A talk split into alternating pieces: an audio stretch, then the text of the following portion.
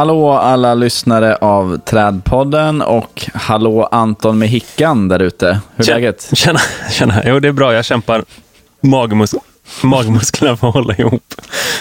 Förlåt. Okej. Ja, vi kanske får höra med dem på typ P1 om de har något tips eller något. För jag har då aldrig hört någon med hicka i radio. Det måste gå, det måste, hitta ett knep alltså. Snälla. Ja. Mm. Ja, Jag kämpar Det här. blir ett helsike. Ja, det blir ett helsike att klippa bort varenda hick. Det här kommer ta en evighet. Och det är inte min tur att klippa.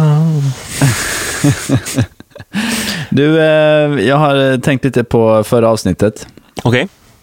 Ja, men vi är ju ändå, en, en, en stor del av våra lyssnare eh, tillhör ju arboristbranschen och faktiskt eh, klättrar i träd och så. Och där, I det yrket ingår ju väldigt mycket säkerhetstänk. Det är ett Mm. väldigt farligt yrke och ingår mycket liksom, säkerhet och rätt typ av upp, utrustning och utbildning och så vidare.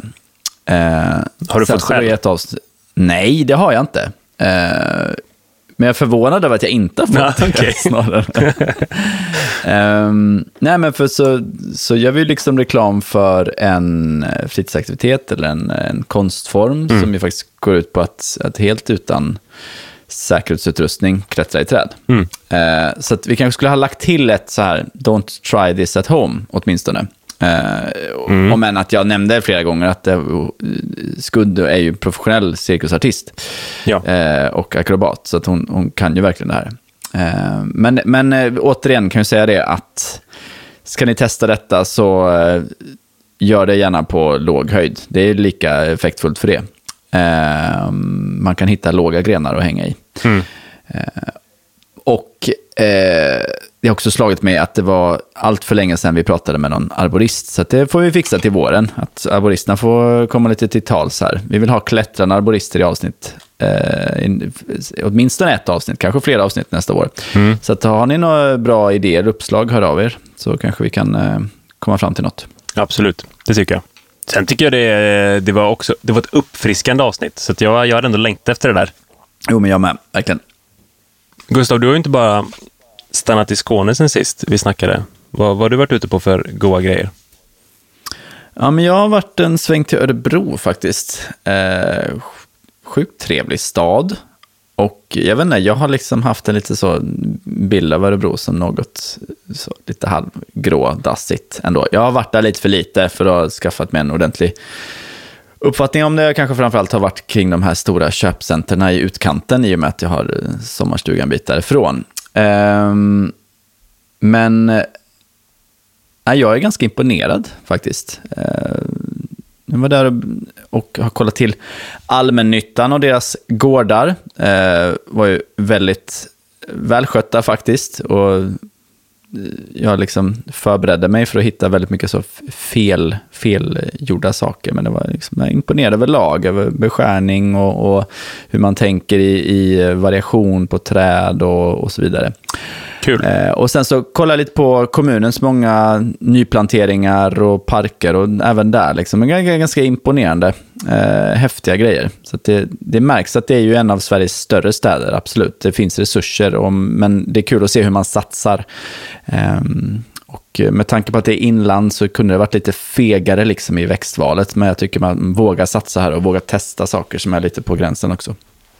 Ja, vad roligt. Ja, nej, men jag såg ju till exempel en eh, väldigt fin, eh, precis framför eh, slottet, Örebro slott är ju känt och stort, eh, där stod det en, eh, ett civiliskt korkträd som var jätteläckert och fint. Ja, nice. Mm.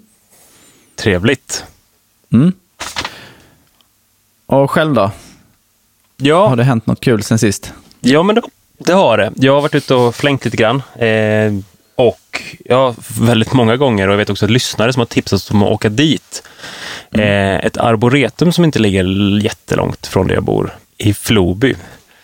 Eh, Alphems arboretum heter det, på, upp på Västgötaslätten.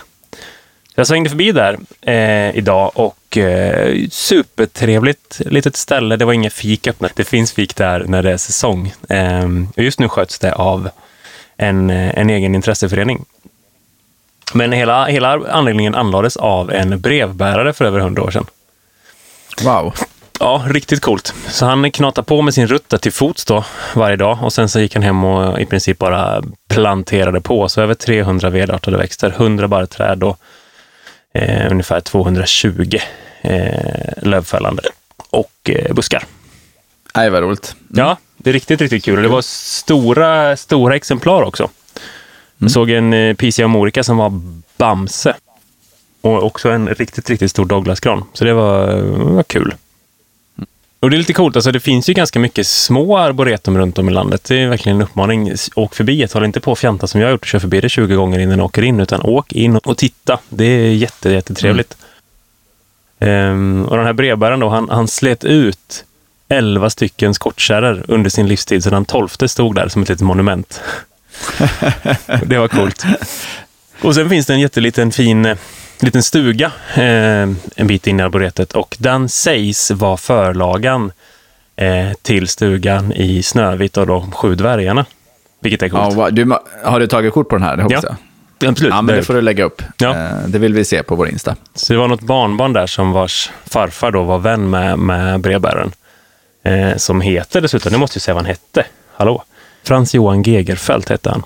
Eh, och det här barnbarnet var där och tittade på den här stugan och har faktiskt sagt sen då att när han var med och jobbade med Walt Disney så var den här stugan förlaga. Så det är coolt. Ja, det är fett.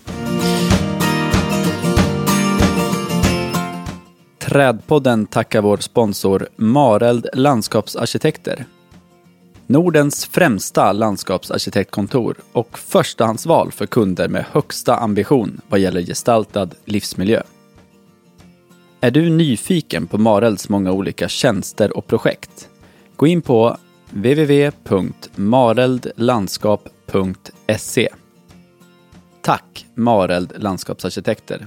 Utan ert stöd hade vi inte kunnat göra Trädpodden. Men då så, då är det väl dags att vi hoppar på eh, dagens ämne.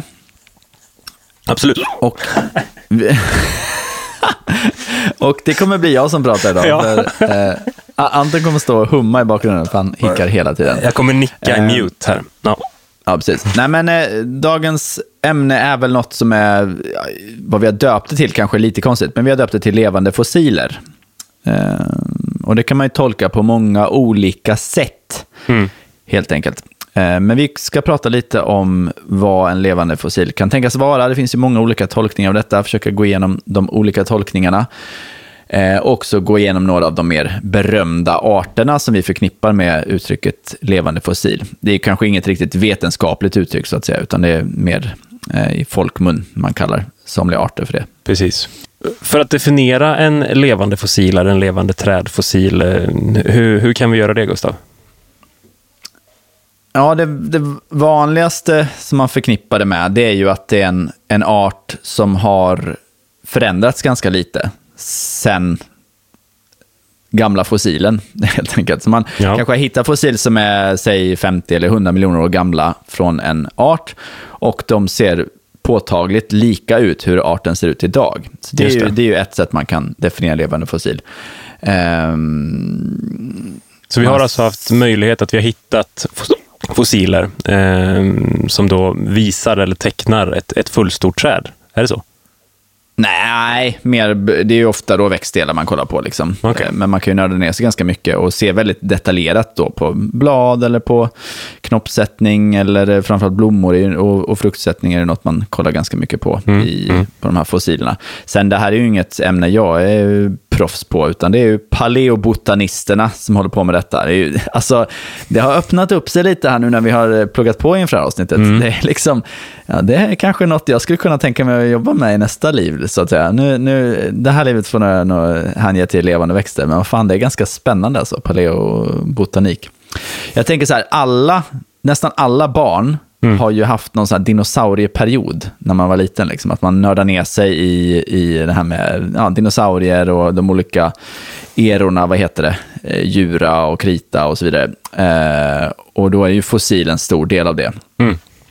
Eh, det man inte tänkte så mycket på då var ju just alla växter också. Men å andra sidan, i de här dinosaurieböckerna och sånt där, så är det ofta ganska korrekt då att det är inte eh, traditionella lövfällande träd och sådär, utan det, det är mer de här fossila arterna helt enkelt. Precis. Eh, ja, men det finns ju lite andra eh, saker som man kan förknippa med levande fossil också. Eh, ett, en sak som man eh, på engelska kallas för Lazarus taxon. Eh, Okej. Och Lazarus, det är ju ja, en hänvisning då till Bibeln. Lazarus var väl någon som eh, Jesus hjälpte till att eh, återuppliva från de döda. Japp. Eh, och eh, så ett Lazarus taxon eller taxa eh, är alltså en, en art som återuppstått från de döda. Eh, det kan ju inte arter göra sådär, men det är alltså ofta då att man har hittat fossil från en art, säg att man hittar fossil från 100 miljoner år tillbaka, och sen plötsligt finns det inga alls eh, i 10 miljoner år, och sen dyker fossilen upp igen. Och det, liksom, där är något som är lite mystiskt då. Därav då det här Lazarus eh, taxa. Och sen finns det något som är ännu roligare, det är Elvis-taxa. Ja, Ja, det, är, det är då en art som bara råkar vara väldigt, väldigt lik en, en numera utdöd fossil art. Eh, som, alltså, ja, som, som helt, en, en lookalike. Just Och då det. blir det en, en Elvis-taxa. Mm. Mm. Humor. Ja, absolut. Ehm, Men ja, som sagt, vi kan tacka paleobotanister för all forskning och framsteg inom det här området. Och ja, vi är verkligen bara att skrapa på ytan här. Det finns ju jättemycket att hämta. Men jag hittade faktiskt en ganska bra hemsida om man vill nörda ner sig lite mer i detta. För det finns ju en eh, organisation som heter The International Organization of Paleobotany. Och då vill man läsa mer om det så går man in på paleobotany.org. De har massor med spännande artiklar där. Så det kan jag tipsa om. Bortom mossigt har de som underline. Eller un underneath. Ja, Nej, men häftigt. Eh, ehm, vilka tidsperspektiv pratar vi? Alltså kan vi, kan vi, kan vi liksom pricka in det lite? Nej, nu är jag redan ute på djupvatten, men jag tycker att det, det är ju, jag menar, ju, ju äldre desto häftigare. Absolut. okej. Men Ja. jag menar, vi har ju arter som är påfallande lika hur de såg ut för 150 eller upp mot 200 miljoner år sedan. Så det, Det är ju... eh, mm, det, är hisnande. saftigt. ja. Och sen är det intressant att det finns så himla mycket, alltså det är så mycket man inte vet. Det, här, är- det finns otroligt mycket mysterier inom detta. Men det kommer vi komma in med lite mer på när vi kommer in på de specifika arterna, tror jag. Mm. Vi vill tacka vår sponsor Stångby Akademi. Stångby Akademi är ett grönt kompetenscenter som erbjuder kurser för dig som vill utvecklas i din yrkesroll. Du kanske vill bättra på din växtkännedom eller lära dig mer om beskärning och trädplantering. Gå in på stångbyakademi.nu för att ta del av deras ständigt uppdaterade utbud av kurser. Stångby Akademi hjälper dig till rätt kompetens för ditt projekt enligt mottot Tillsammans bygger vi framtidens gröna nätverk. Jag har ju sökt runt lite här på arter och så vidare. Och ganska många av de här arterna som återfinns idag Mm. återfinns på en plats. Och det här är ju, det är ju här mystiken tätnar liksom. Coolt. Eh, Det finns en kinesisk eh, nationalskog eh, som heter, ja, bear with me now. Eh, ni får ursäkta mitt kinesiska uttal, men eh, Changjie National Forest får vi kalla det nu. Changjie. Ja. Ehm, och det, det här är en plats som skryter väldigt mycket om att de har många levande fossil levandes där. Men till exempel då eh, näsduksträdet finns representerat där. Davidia, involucrata. Ja, eh, ginkgo biloba också. Och eh, den här fyndet av metasequoia som vi kommer komma in på lite senare eh, ligger bara 30 mil bort. Så det, är, det, är liksom, det här är någon slags center. För väldigt många av de här växterna vi kommer ta upp nu har ju i stort sett dött ut ändå. För det här är ju växter som har funnits vitt spridda över stora delar av jorden. Och sen så till synes eh, dött ut, men så dyker de upp här i den här dalen eller den här, den här nationalskogen. Det, det är riktigt häftigt. Så att, vi får väl lägga till den på önskelistan över resmål helt enkelt. Changjie for National Forest. Den åkte högst upp på listan kände jag. Mm. Det, du, visade, du visade mig lite bilder därifrån innan Gustav när du googlade, när vi snackade upp det här. Och det, Googla det där, för det där var riktigt nice. Ja, de kan inte googla det, för mm, det, det går inte att bara gå på mitt uttal. Jo, jo. Vi får nog, vi får nog eh, lä- lägga upp eh, en, ja, vi får skriva ut det helt enkelt. Det kommer stå i bylinen på det här avsnittet. Men eh, googla upp efter ni hittat vad det heter. Det var skithäftigt. Ja, och om du som lyssnar har varit där, det hade ju varit coolt. Om någon av våra lyssnare har varit där, skicka oss bilder så kan vi lägga upp och, eh, och tagga er och, och sprida det här lite mer. Det vore Mm. jättecoolt. Eh, vi vill inte hålla på och nalla fula bilder från Google. Vi vill ha äkta vara. Liksom. Så Japp. har ni bilder därifrån, skicka för fasen. Det vill vi ha. Och äger du ett resebolag som vill vara med och sponsra en trädpodd, så mejla. Ja, precis. Ja, vi åker direkt. Ja, men eh, ska vi börja med den kanske på något sätt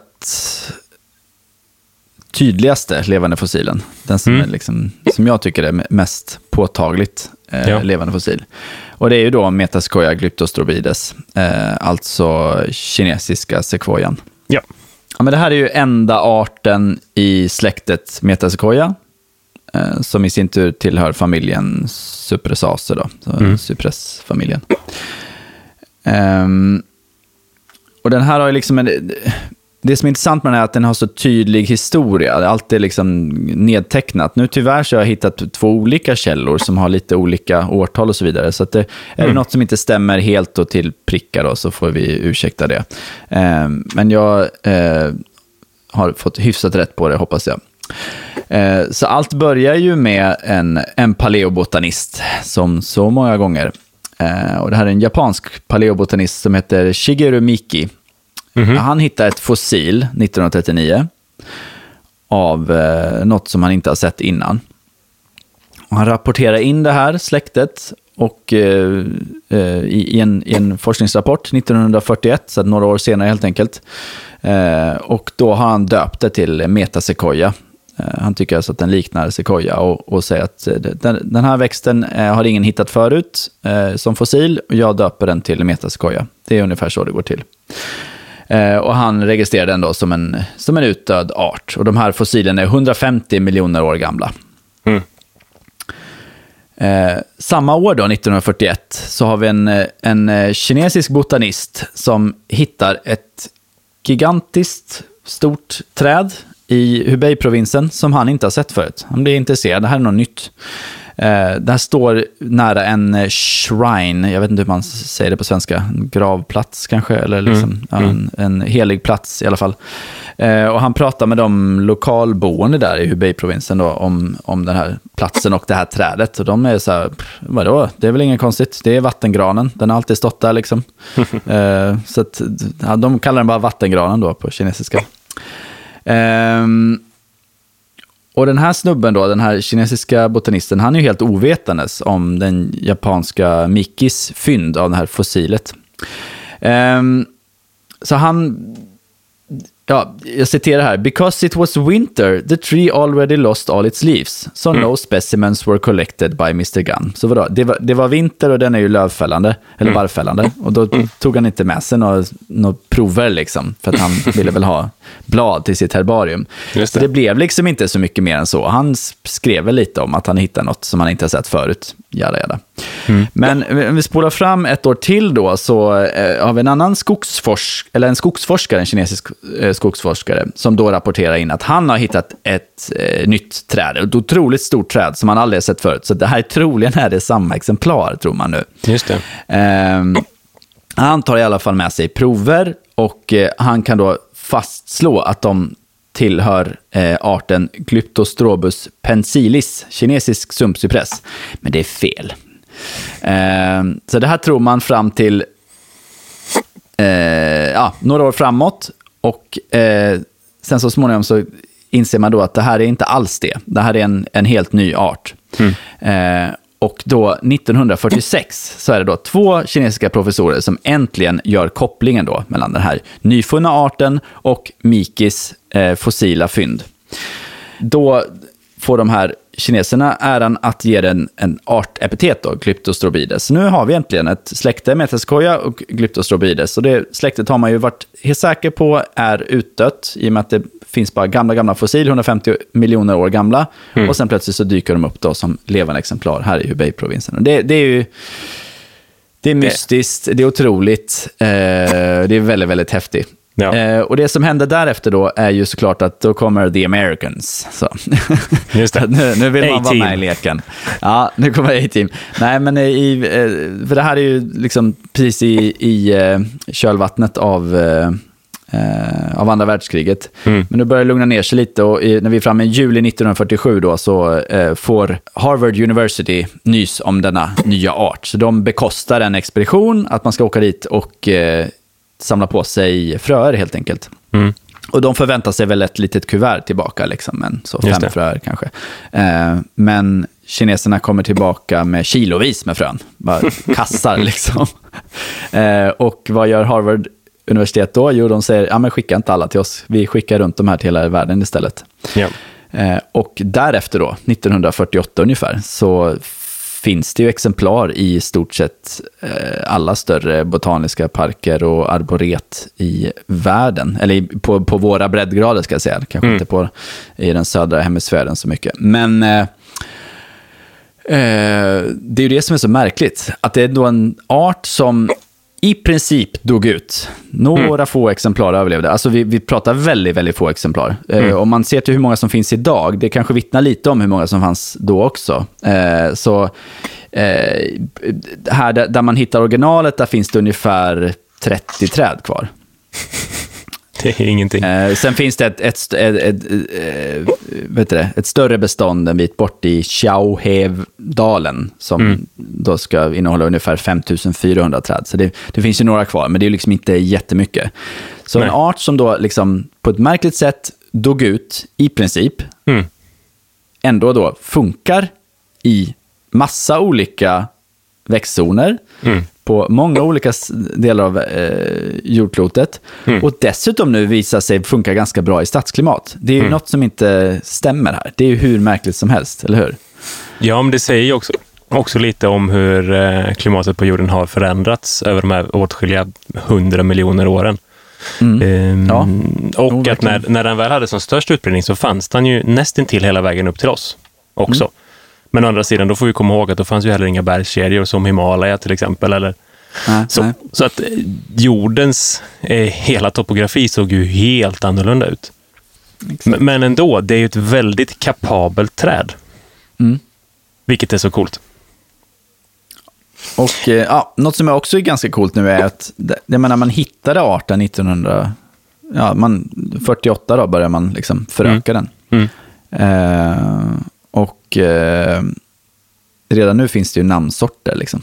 Just Det så, en smalkronig och så vidare. Och det är ju för att de växer väldigt fort också, så man kan ju ganska snabbt då börja selektera och ta fram nya arter och, och faktiskt Mm. konstatera att de funkar och så vidare. Ja. Det första arboretumet som tog emot dem då från Harvard University var Arnold Arboretum som är ganska erkänt i, i USA. Sen är det ju coolt att de just är eh, barrfällande. Ja, Ehm, För det gör ju också att de blir ju ganska... Tänk dig då när de växte här uppe i norr. De sträckte sig så långt ut att de i princip kunde då stå hela vägen upp tills vi har midnattssol. Alltså stå och eh, skapa klorofyll till sig själva dygnet runt. Mm. För att sen då, när det blev totalt mörkt istället, under andra delen av året, helt släppa. Och Mm. på det viset då kunde du konkurrera på ett väldigt, väldigt smart sätt. ja. Så det är lite coolt, för jag menar de andra barrträden som stod jämte som kanske inte släppte då, fick ju investera i barr som skulle tåla kyla.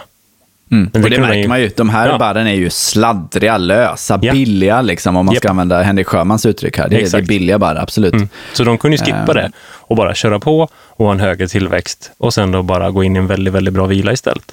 Mm. Det är Och något coolt i som också är coolt med detta trädet då är ju att eh, i Torups slott, eh, strax utanför Malmö, eh, Mm. ligger vi i Bokskogen alltså, i, i, i Bara, om man ska vara eh, noggrann. Japp. Ehm, där står ett exemplar som jag har då fått höra är eh, troligen från sent 40-tal, tidigt 50-tal. Så det kan vara att det är från originalinsamlingen. Det har Coolt. vi inte fått bekräftat, men vi kan väl leka med tanken i alla fall. Varför tar ingen reda har på det? Ja, det är precis. Det får vi väl göra, ge våra lyssnare i uppdrag också. Ja. Ehm, men det här trädet har jag besökt och fotat mig själv vid och sådär. Så det kommer också upp på Instagram. Är, Just det. Och den är rejäl kan jag säga. Ja. Riktigt rejäl. Mm. För om vi kommer in på då, hur, känner man igen en metasequoia? När man springer Mars. på den. Ja, det är ju inte jättemycket man kan förväxla det med. Det är ett barrfällande barrträd, så det skulle man kunna förväxla med lärk, men barren sitter på ett helt annat sätt. Mm. Ehm, liksom i, i långa rader sitter barren. Ehm, till skillnad från lärken där de liksom sitter i knippen och pekar rakt upp. Ehm, Det man kan förväxla den med är ju sumpcypressen. Mm. Men då kan, vi lära, kan jag lära alla lyssnare här en liten ramsa, eller liksom en ordlek. Så att man slipper blanda ihop dem mer. Eller hur? Kör. Det här ska, det, det här ska ha jingeln. Gustav har en ordlek. Gustav har en ordlek. Gustav har en ordlek. Nu blir det Gustavs träd. Ordlek. Bom, bom. Du vet att vi kommer sampla den där nu. Den kommer komma med i varje avsnitt. Helvete. um, Okej, sumpcypress. Sitter barren strödda. Sumpcypress, strödda. Okej. Okej. Metasequoia, mitt emot. Mm. Ja. De är pa- parvis motsatta barren helt enkelt. Mm. Så det är Det enklaste sätt. Och det gäller även knoppar och, och annat liksom, eh, på trädet. Så att, eh, även vintertid kan man se på knopparna då att de sitter parvis motsatta på metskojan och strödda på sumcypressen. Mm. Eh, I övrigt då, mjuk stam. eh, Alltså, ganska stammen, vi, må, vi måste stanna lite vid rödaktig. stammen. Stammen är ju ascool, Ja, tycker jag. Det ser lite ut som att någon har flätat, på, på stora exemplar, ser lite ut som att någon har flätat stammen med gamla ormar. Ja, jag förstår precis vad du menar. Verkligen. Ja. Ja, och det blir som små gropar. Man kan Ja. liksom, s- fan, här kan man nästan stoppa in en hand liksom. Ja. Ehm, ja. Knotig och märklig på något sätt. Som att Ja. den kan inte riktigt bestämma sig. Mm. Ja, Det blir lite en känsla av, jag får lite känsla av urkraft liksom. Ja. Just, just för det är också verkligen på den första delen av stammen innan kronan kommer. Mm. Och så vill man gå och känna på den. Och då, då kan ju barken... Den, det som du var inne på att säga, färgen där, den är ju koppar, kopparfärgad mot brun, kan man väl säga. Mm. Mm. Och så lossnar det lite i stora flagor, om man vill.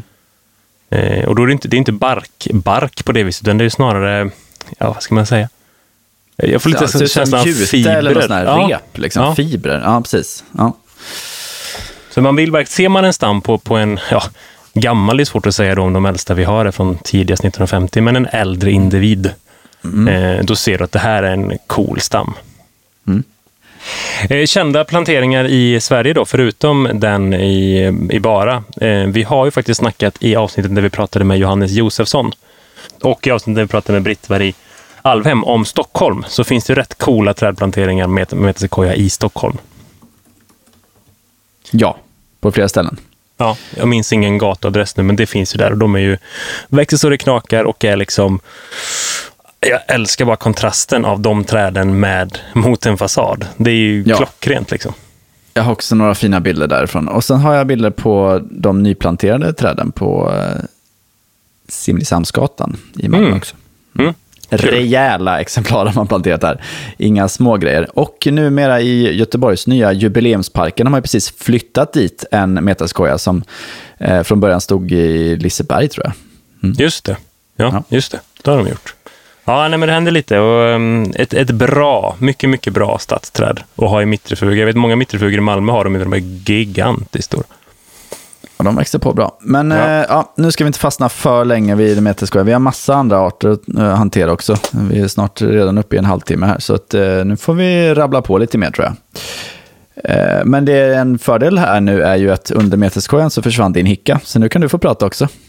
ja, vi kan försöka.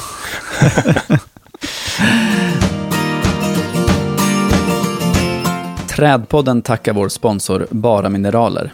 Ett företag som står med båda fötterna på jorden i både tanke och handling. Bara Mineraler utvecklar produkter som är sprungna ur mark och mylla för att skapa levande och jordnära stadsrum. Besök baramineraler.se och inspireras av projekt byggda på goda grunder. Tack Bara Mineraler. Utan ert stöd hade vi inte kunnat göra Trädpodden.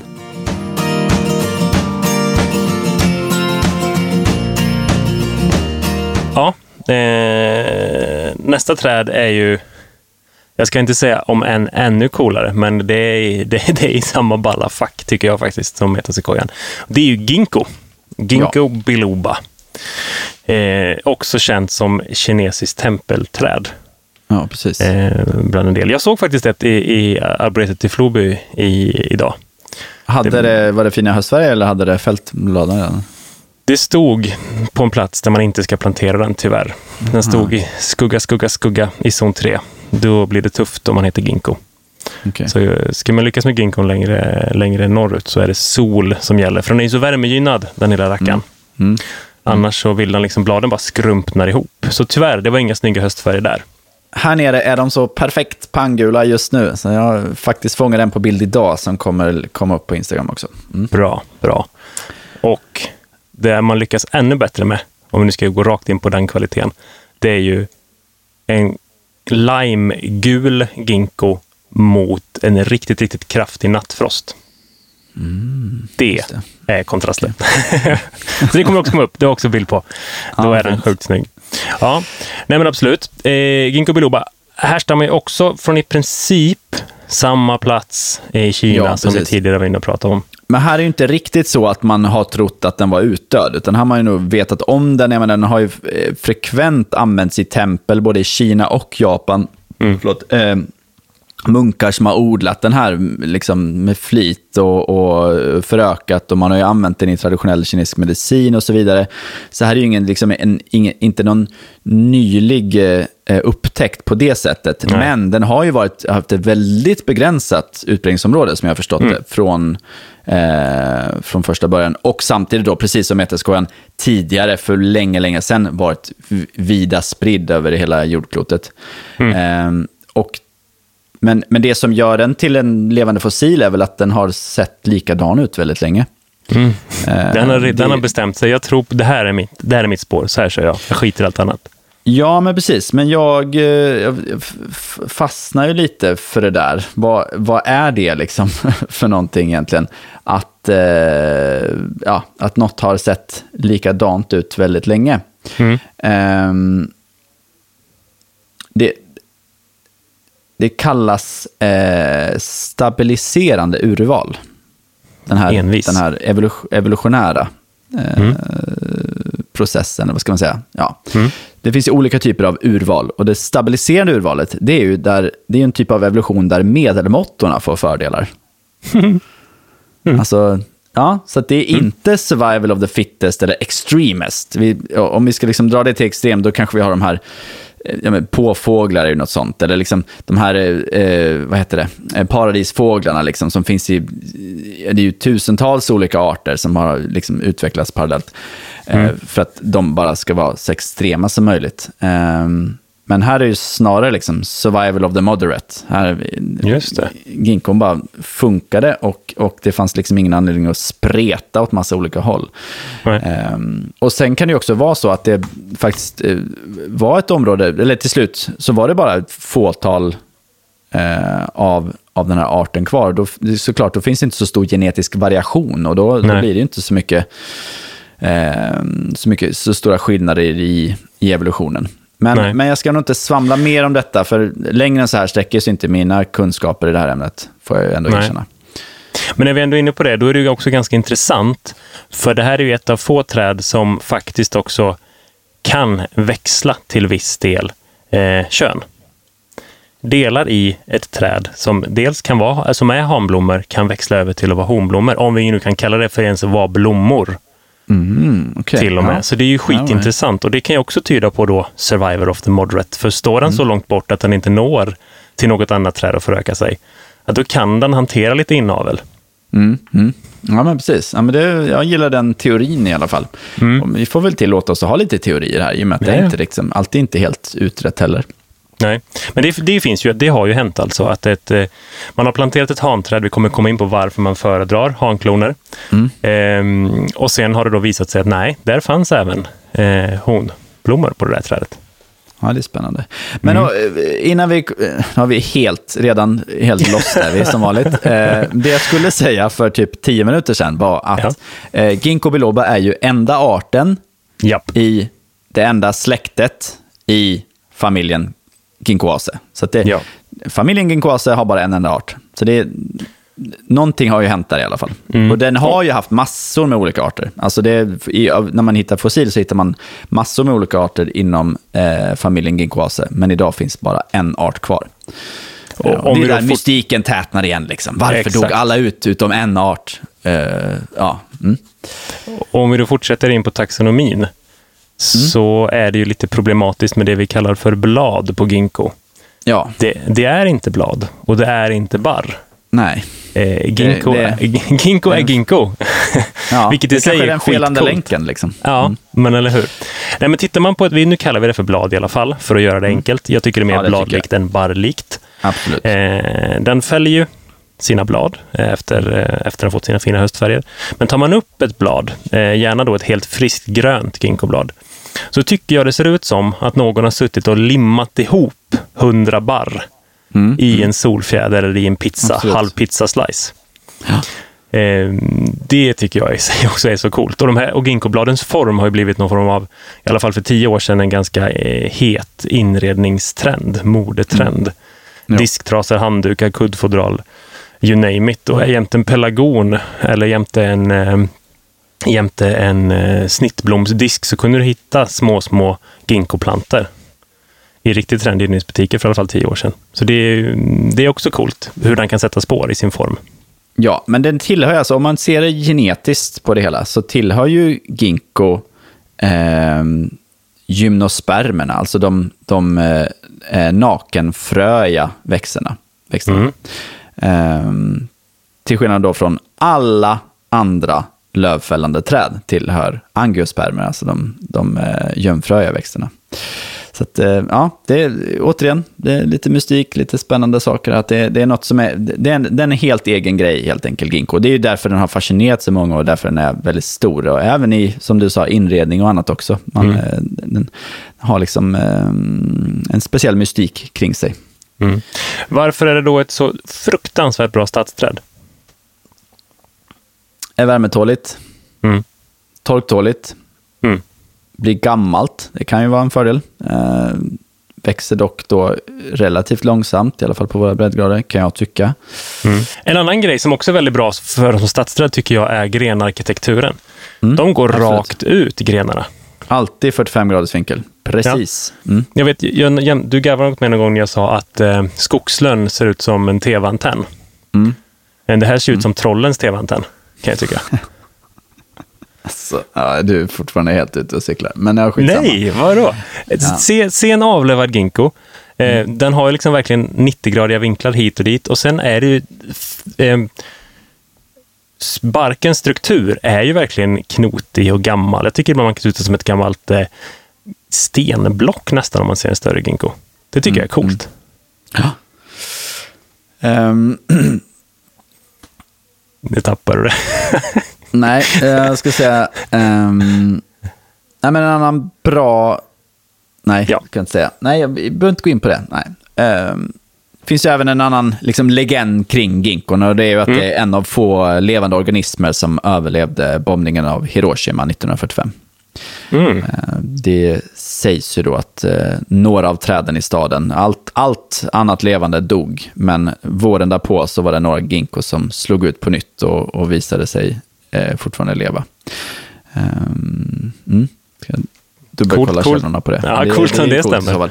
Eh, och då motiverar det verkligen att använda det som ett eh, stadsträd i, i tuffa Mm. miljöer, om den klarar till och med atombombningar. Eh, Mm. de, som sagt, kan bli gamla. finns eh, tusenåriga exemplar, om inte ännu äldre. Och en grej som är lite kul, i och med att de använt det som stadsträd så pass länge, vi har ofta refererat till New York. Eh, när jag var där för några år sedan så användes det väldigt frekvent som eh, alléträd i blandalléer i New York. Och när vi kommer in på det här härliga med doften av frukten, så Ah. Battery, Battery Park i New York ska du inte gå till när det är fruktsättning på ginkgon, för där står det hornkloner. Och där eh, finns det ju då olika smak om lukt här, men gemene man, jag vet att inte du håller med Gustav, tycker att det luktar som spya. Jo, jag Den håller med. frukten. Den luktar Du håller med? jätteäckligt. Ja, ja, du ja. håller med. Det här håller vilken helt vilken med om, doft men- var det vi inte höll med om att det luktade äckligt? Nej, det vet jag inte. Det var någon annan. Ja, nej men det, det här, och det här är ju, nej, det är ju rent objektivt så luktar det äckligt. Det är ju Mm. det är smörsyra som bildas i frukten och den, den luktar ju kräks. Så det är liksom Ja. inget att, eh, det är inget att dividera om, så är det.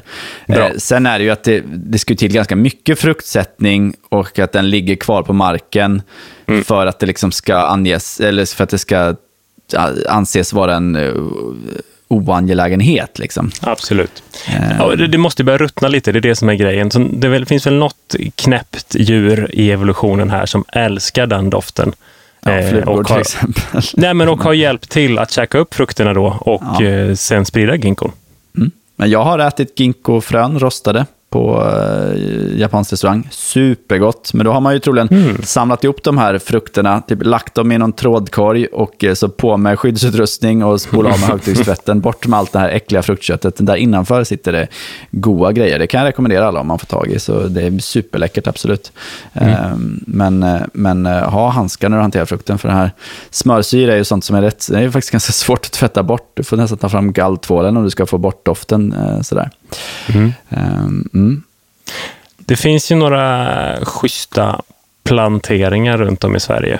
Eh, den som jag vet figurerar på många bilder är ju de ganska gamla ginkorna då, eh, runt Malmö Operan. De är ju ganska mm, fina och vackra. Står väldigt fint solitärt också tycker jag. De tänker jag på. Ja, några ginkgos som kanske borde få lite mer uppmärksamhet det är ju att Mm. i typ hela centrala Trelleborg så är det ginkgos planterade på 70-talet. Det är ju Det är coolt. svinfett och de har börjat bli ganska stora. Och där är det både hon och hanplantor. Jag har då frågat folk som bor i Trelleborg och det är ingen Mm. som har varit någon bekymrad över det där, att det är någon frukt. Nej, inte har de tänkt på det, liksom, att det är någon fara Men- med det. Här har vi ett ypperligt läge. Om det finns någon väldigt hängiven kock som vill köra Asian fusion, ut och samla de där fröna. Mm. Och så kräng den där rätten. Svindyrt. Precis. Det är Men jag kan ju tipsa om en, en nygammal ginkgo i Malmö då. Eh, Ja. Det är ju den här nya lilla hemliga parken i eh, varvstaden. Den är inte hemlig på något sätt, men den är, man ser den inte från gatan. Man ska liksom in innanför i det här gamla varvstadsområdet. Och där, nu har man precis restaurerat den här parken och det har blivit otroligt fint och läckert. Man har Mm. då eh, gjort eh, rotzonsrenovering för alla träd och gjort nya pl- eh, p- planteringar och ny stensättning och satt dit nya möbler. Så det ser jättefräscht och fint ut. Och där då, i det som i, idag har döpts till Nils Holmströms plats, eh, står det en gammal ginkgo. Det är med allra, allra största sannolikhet Malmös äldsta. Eh, jättefint exemplar som står lite ingömt sådär vid, vid huset. Men det är stort och fint. Mm. Och vill man titta på Sveriges äldsta så sticker man till Lunds botan. För där står Sveriges äldsta ginkgo. Så att, eh, ja, det är coolt. Det poppar upp här och var. Och Hornsgatan i Stockholm ska jag väl nämna också. Ja. Det är ju en väldigt, väldigt häftig satsning man gjorde där. Eh, där man planterar hela Hornsgatan med ginkgo. Och Hornsgatan, ni som känner till historien, det är en av Sveriges smutsigaste gator. eh, luftkvaliteten är urusel. Så därav eh, var det ett väldigt klokt och bra val. Ett sista tips är ju om ni åker eh, spårvagn i Lund. Så Ja, kommer det. ni inte missa den här dubbelradiga, väldigt långa allén eh, med över 200 ginkgoträd. Tror jag. Nej, det är det inte. Med över 100 ginkgoträd ska jag säga. Nej, jag vet inte hur många det är. Fan, jag har glömt bort. Jag har själv levererat dem, jag har glömt bort hur Mm. Många det är. Det är jättemånga ginkgoträd i alla fall. Ja. Och ännu en ginkgoallé finns faktiskt i Falkenberg. Upptäckte jag i somras när jag cyklade där. Mm. Så det, det finns lite här och var. Det är kul. Det är kul. Ja, precis. Vi har absolut inte använt för mycket ginkgo. Okej, eh, Ja. det var fossil nummer två. Nummer tre på listan eh, ligger mig lite halvvarmt om hjärtat eftersom jag har en i min trädgård som mår, eh, mår helt okej. Eh, och det är ju en Liriodendron tulipifiera, ett tulpanträd. Ja, just det. Eh, det vet jag, det lyckades jag lirka ur Johan Östberg att han hade som favoritträd. För att sen en sekund senare dra tillbaka det. Ja, det Eh, är därför bland jag säger, jag säger aldrig sånt i. Nej. Absolut inte. Nej, Nej man, kan, man, nej, kan, man kan aldrig välja en, men i alla fall. Eh, tittar man på bladstrukturen eh, på det här så kan man ju se att eh, det har inte hänt så mycket på speciellt många år. Nej. Eh, och tulpanträdet är ju i familjen Magnoliaceae, alltså Magnolia eh, släkting. Och eh, de har ju inte heller utvecklats speciellt mycket. Nej, och det är väl alltså det jag tycker är tydligast med Magnolia då, det ju, och det pratar vi ju med Magnus Karlström om också mm. i det Magnolia-avsnittet kan man tipsa om om ni inte har hört det, så scrolla tillbaks och lyssna på det. Eh, det är de här väldigt, väldigt stora blommorna. Eh, mm. stora kronblad och rejäla blommor liksom. Eh, för när de här började blomma, mm. för säg 90 miljoner år sedan ungefär, då eh, fanns det liksom inte bin och fjärilar. Då fanns det stora skalbaggar som kravlade runt och kanske flög lite sådär. Mm. Eh, och de behövde ju se de här stora blommorna och lockas av mm. dem. Mm. Sen därefter då, så har ju liksom, har det skett en samevolution, som det så vackert heter. Mm. Alltså att, att insekterna har evolutionärt anpassat sig efter trädens blommor. Och trädens blommor har då evolutionärt anpassat sig efter insekter. Och nu idag har vi en uppsjö av massor med olika blommor med kronblad och vi har en fantastisk variation av både bin och fjärilar i alla dess möjliga olika färger och former. Eh, så mm. det, är, det är roligt att tänka sig den här samevolutionen, hur det har gått till. Ja, och, bara hur hisnande jag tänker att det finns inte mindre insekter som kan pollinera än skalbaggar. Mm. Alltså Stora ju, skalbaggar, alltså ja, rejäla det är ju svindlande. Ja, det är som man hade varit riktigt rädd för om man hade sett idag, tror jag, de här stora grejerna. Just det. Ehm, men ehm, ett tulpanträd kan ju vara lite halvsvårt att få blomma. Eh, jag är nöjd om jag lyckas ha vinterblomman här när jag är 50. Mm. Ehm, men det, det, är ett väldigt vackert parkträd, gillar att stå soligt kan misstolkas för en lönn på håll för den oinvigde. Eh, lite på grund av att de ser lite hopklippta ut, att man inte orkat klippa ut ett vanligt lönnblad. Det ser ut som en stencil till att bli ett lönnblad. Så kommer jag ihåg det. Eh, men väldigt, väldigt vacker, vacker, vackert, vackert grön färg i bladen och ett väldigt vackert habitus i sig självt. Eh, jag har en jätte, jättestor bild på en, eh, ett tulpanträd eh, som jag tagit i Holland. Så den ska vi lägga upp. Eh, det, är faktiskt Patrik, det är faktiskt Patrik Bellan som är skalstock på den bilden, vill jag minnas. Ja. Right. Eh, nice. Trestammig. Sjukt nice. Den vill jag se. Ja. Eh, nästa träd på listan ska vi bara dra helt kort. Det är brödgranen, eller egentligen hela, stora delar av det brödgranssläktet egentligen. Arauc Araucariaceae kanske det heter släktet. Ja, eh, brödgranen heter i alla fall Araucaria araucana, kallas även för eh, apträd eller monkey puzzle tree, kanske många har hört det här engelska uttrycket. Eller eh, apskräck. Ja, precis. Det ska, för att någon engelsman sa “This tree would be a puzzle for a monkey to climb”.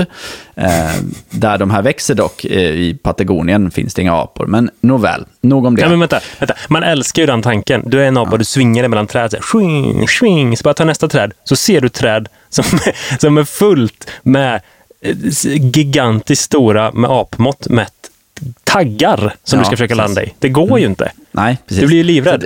hela trädet, alltså grenar och allting är ju täckta av de här eh, bladen då, som är ja. som en slags eh, taggar. Sylvassa. Eh, varf, varför skulle den ha satsat på sylvassa stora taggar? Var, var, varför evolutionärt blir det så? Jo, det är ju en, ett sorts skydd mot betningsskador. Det, mm. det är liksom inte så svårt att tänka ut att det är det det handlar om. Um, och de här träden kan ju bli rejält stora.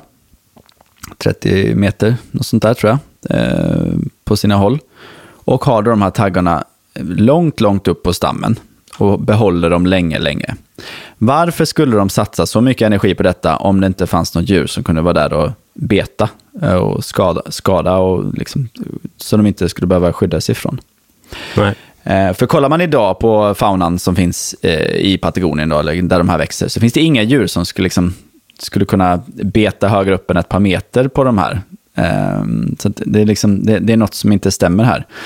Och eh, senare har man ju då hittat fynd av den här megafaunan som levde i, i Sydamerika för ja, mellan Eh, det divideras lite där om de, när de dog ut, men säg ungefär 10 000 år sedan så, så dog den här megafanan ut. Det var ju alltså, jättesengångare, det fanns ju amerikanska elefanter, eh, det fanns eh, noshörningsliknande saker och så vidare. Och eh, Alltså de här var, det var gigantiska djur som, som skulle få mm. de här megafaunan på Afrikas stäpper att, att eh, se ut som dvärgformer, helt enkelt. Det var jätte, jättestora djur. Och de här hade ju såklart kunnat beta.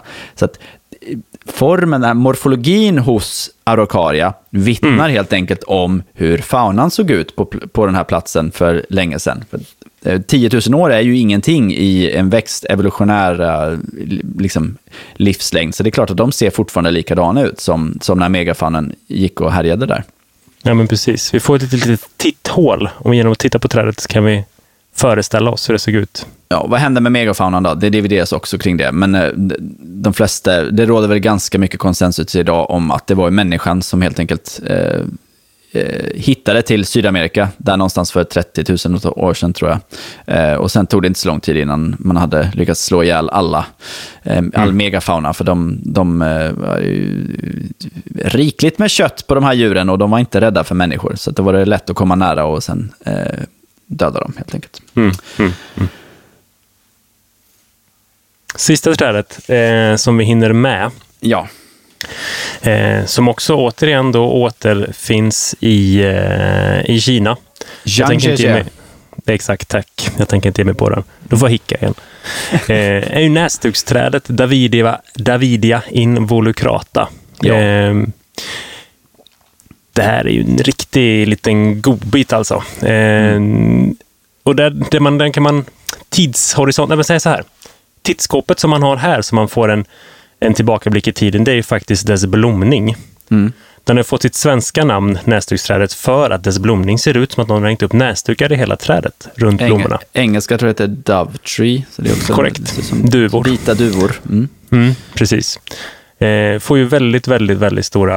Eh, de två eller tre största eh, flikarna på blomman eh, blir ju stora, stora hängen, kommer tidigt, tidigt i maj. Sen är det ett ganska kinkigt träd att få till eh, att kunna etablera sig i Sverige. Zon 1, kanske zon 2. Mm. Men för att lyckas etablera det så behöver du gulle, gulle, gulla med det här. Eh, det vill ha allt, all, all, all kärlek som du kan få till. Men Absolut. den är ganska lätt att köpa numera. Det var lite krångligt innan. Eh, har du sett någon ung individ av den här blomman, Gustav? För det ska ju ta några år, likt eh, ja, lyrodendronen. Det var lite så förr, sa man. Ja, det tar 30-40 år innan de mm. blommar. Liksom. Det är ingen idé. Du planterar en, det kommer dina barn få se när den blommar. Typ så.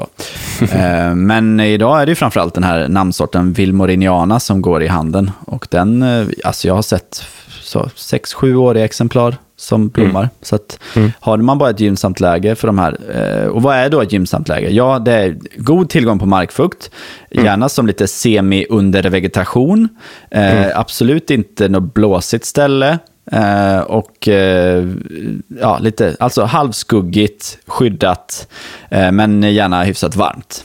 Eh, och god tillgång på markfukt. Då får du ett, ett, ett glatt näsduksträd. Och jag menar, det står ett i Folkets park som alltså det växer säkert med 40 centimeter per år nu. Liksom. Det, det, är bra fart i det. Så det är ingen, mm. alltså, bara man hittar rätt läge, rätt plats så, så går det att få fart på dem, absolut. Mm.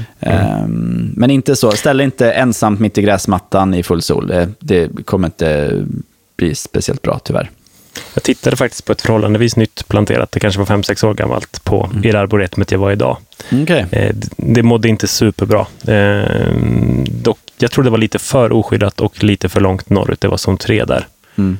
Ja, det är inte helt enkelt eh, att få dem att klara sig när man ska försöka pusha zonen. Ja, ja men det här dagens ämne får en ju ändå liksom, fantasin skenar ju. Vad finns det mer för arter där ute som, som vi inte har upptäckt än helt enkelt? Som man kanske tror ja, är uttalade. Det, jag menar, det, det finns säkert. Det, det är bara att vänta och se på att de här härliga, duktiga botanisterna ska ge sig ut och, och hitta de här arterna. Mm. Och kan forskarna börja få liv i mammutar snart? Så jag menar, vad kan vi då inte göra med väldigt gammal eh, växt-DNA? Ja, just det, just det, just det. Lite mikroförökning här in vitro, mm. Eh, vem vet? Mm. Eh, det hade varit ett levande meristem så, så, eh, så skulle det gå också. Ja, det var coolt. Um, det vi inte hann prata om är ju uh, Wallamy Pine, Wollemia nobilis. Mm. Uh, gå in och kolla det. Uh, australiensiskt uh, träd som tillhör Araucariaceae som, som också... Uh, ja, det finns väldigt, väldigt få av dessa helt enkelt. och vi hade också önskat hunnit prata lite om tree ferns, de här häftiga ja, ormbunkeliknande träden som är kanske en av de absolut, absolut äldsta eh, trädformerna. Mm. Men eh, och, och jag menar, vi har ju, ja, och jag menar, vi har ormbunkar i, i, i vårat i våran fauna också. Och där kan man ju se lite de uråldriga kopplingarna tycker jag med, med tanke på bladstruktur och så vidare. Mm. Precis. Ehm, du, innan vi avslutar så kom jag på en mm. sak som jag skulle ha sagt i början när du frågade vad du gjort sen sist. Vi har gjort en jätterolig mm. grej sen sist, som också ska upp ja. på Instagram. Jag eh, la ju upp något lite om att nu är eh, den gulfruktiga prickhagtornen mogen och plockas. Eller hur? Mm. De här mm. härligt knallgula frukterna på det som vi kallar Malmöhagtorn i folkmun ja. är mogna. Och eh, ja, men jag gav mig ut lite så tjuvaktigt och, och eh, fyllde en halv kasse med frukt och tog hem. Och de, de, är ju svåra att äta som de är i och med att det är ganska mycket kärna i. Eh, mm. frukten och väldigt stenhårda kärnor. Du vill inte råka bita på en, då, då ryker plomberna. Liksom. Eh, så jag tänkte att jag provar att göra marmelad på dem. Jag mm. så kokade dem med mm. kärnor och allt och sen så var det ett helsike att försöka sila detta. Det gick inte alls bra. För det är nog ganska mycket pektin i den här frukten, för den, den stelnade fort. Det blev liksom mer som någon slags kola. Och så skulle jag då försöka liksom sila igenom den. Det funkar inte alls. Så till slut tog jag fram då den här potatispressen och pressade igenom mm. och då blev ju kärnorna kvar. Men ja, jag förlorade säkert hälften av, av eh, det jag hade kokt. Liksom, i, eh, men nåväl, jag fick i alla fall till slut ut en marmelad då, som, eh, den har ju väldigt parfymaktig, smultronliknande doft. Men det, detsamma mm -hmm. gäller även smaken, så jag ville liksom myska till den lite för att få en lite mer så här ostpassande marmelad. Så jag hade i lite kanel, kan jag rekommendera, mm. och lite citronsaft också. Eh, för mm. att spä upp det. Och sen så bara socker. Eh, men eh, ja, det blev läckert, jättegott. Jag kan lägga upp ett recept och så lite bilder. På, jag tog såklart massor med kort på själva marmeladprocessen också. Så det kommer också upp på Instagram. Bra. Men, och det, man har fortfarande gott om tid på sig att plocka de här. De sitter kvar i många veckor än, de mogna frukterna. Av de, ni som bor i Malmö alltså. Mm. Finns det ingen annanstans. Det, Jo, ett det är, så mycket, det är så mycket gastronomiska tips i det här avsnittet, så jag vet inte riktigt. Vi får döpa om det till någonting. Mm. Ja, det är grymt. Kom, ja, matspecial såklart. Det har vi det nästa i, till våren. Mm. Bra, skriv ner det. Nej, men snyggt. Bra jobbat. Eh, jag saknar en grej av dig i det, i det sociala flödet också, Gustav. Vad kan det mm. vara? Ingen aning. Vi vi har ett lyssnare som har bidragit redan. Du ah, lovade i förra avsnittet. Trädflowet. Ja, men jag lovar yep. fortfarande. Jag ska göra det, absolut. Mm, det ja, kommer. Det är bra. Ja, Löftet står kvar. Mm. Ja, det är bra. En liten påminnelse bara. Ja, vi ser om jag hinner göra det innan vi släpper det här avsnittet. Det hade ju varit skönt. För då, det, då är det du som får skämmas. Just det. Det är bra. Eh, mm. Ja, men eh, då så. Ska vi säga så? Grymt. Jag tycker vi säger så. Och när vi inte släpper ett avsnitt rykande färskt så finns vi ju hela tiden på Instagram under Tradpodden eller på Gmail. Tradpodden.gmail.com. Mm. Så uh, hör av er den vägen. Vi lägger också upp lite mer frekvent länkar på Linktree nu behöver vi göra, för vi är hänvisade till massa grejer och så är vi dåliga på att lägga upp det där. Mm. Så där hittar ni mer fakta allt eftersom. Yes. Grymt! Ut och njut av lite trädfossiler och så hörs vi om två veckor. Hej då! Ja, precis. Hej då på den gamla dinosaur.